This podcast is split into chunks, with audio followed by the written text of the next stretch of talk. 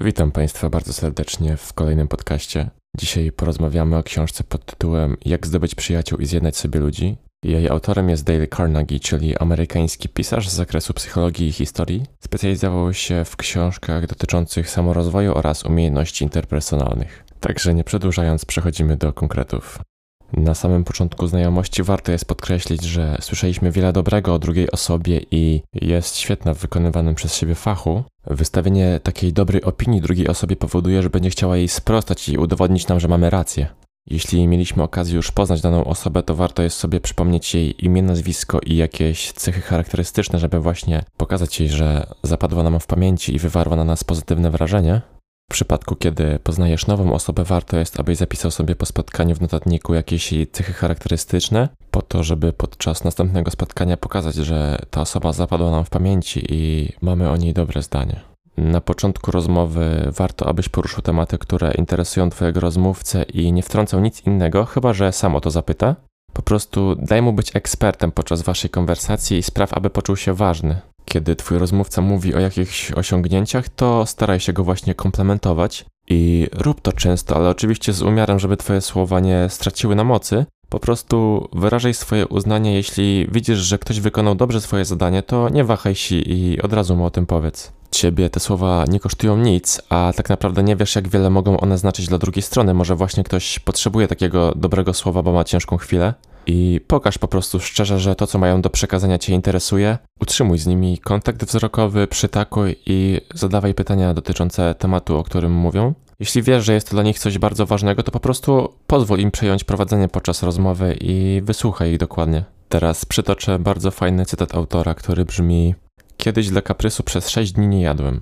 Nie było to trudne. Szóstego dnia odczuwałem mniejszy głód niż pod koniec drugiego. Znam ludzi, a może znasz ich i ty, którzy każąc rodzinie lub pracownikom przez sześć dni nie jeść, czuliby się jak przestępcy. Jednak ci sami ludzie skazują rodzinę i pracowników na życie bez słowa uznania przez sześć dni, sześć tygodni, a czasem i sześćdziesiąt lat. A przecież uznania potrzebują oni tak samo jak jedzenia. Kiedy zlecasz komuś wykonanie jakiegoś zadania, to nie wydawaj mu rozkazu, bo nikt tego nie lubi, kiedy każe mu się coś zrobić i zamiast mówić wydrukuj moje dokumenty, powiedz po prostu, czy mógłbyś wydrukować moje dokumenty.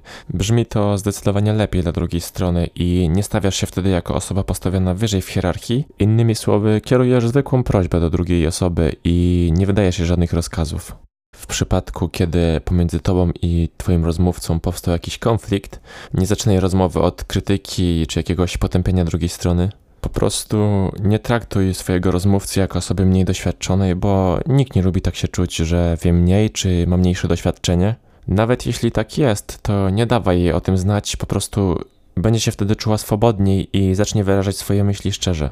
Podchodź pozytywnie do opinii drugiej strony, nawet jeśli się z nią nie do końca zgadzasz, to uśmiechaj się i postaraj się zrozumieć jej punkt widzenia i dać poczucie, że chętnie ją wysłuchasz. Tak naprawdę nie wiesz skąd wynika dany punkt widzenia, bo nie masz pojęcia, przez to ta osoba musiała przejść w życiu. Jeśli się z czymś nie zgadzasz i chcesz wyrazić swoją opinię, to nie używaj słów nie masz racji. Przed poprawieniem czyjegoś mylnego twierdzenia przyznaj się do błędu, który popełniłeś w przeszłości i nie wstydź się tego, po prostu postawić to na równi z rozmówcą i okażesz się bardziej szczery i nie będziesz tym, który patrzy z góry i wytyka błędy.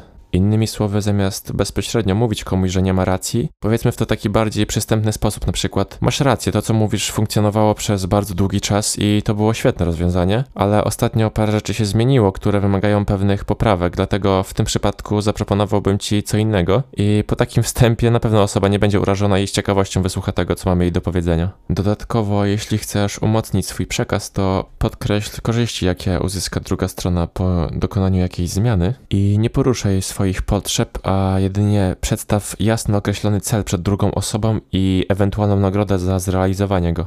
Także najlepszym sposobem, aby wygrać kłótnię jest unikanie jej. Nawet jeśli wygralibyśmy jakiś spór, to nasze relacje z drugą osobą już nie będą takie same, bo z pewnością zapamięta ona to, jak sprawiliśmy, że się poczuła i jakiekolwiek nieporozumienia powinny zawsze zakończyć się dobrowolną zgodą obu rozmówców po prostu. Oczywiście nie zapominajmy, że to nie zawsze my będziemy osobą, która ma rację podczas rozmowy, dlatego jeśli doszedłeś do wniosku, że twoje poprzednie rozumowanie było błędne, to przyznaj się do niego od razu. Pokażesz tym samym, że jesteś człowiekiem, który nie boi się przyznać komuś racji i będziesz bardziej wartościową i godną zaufania osobą w oczach rozmówcy. Takim akcentem chciałbym zakończyć dzisiejszy podcast. Jeśli był dla Ciebie wartościowy, to zachęcam do udostępnienia go znajomym i do usłyszenia następnym razem.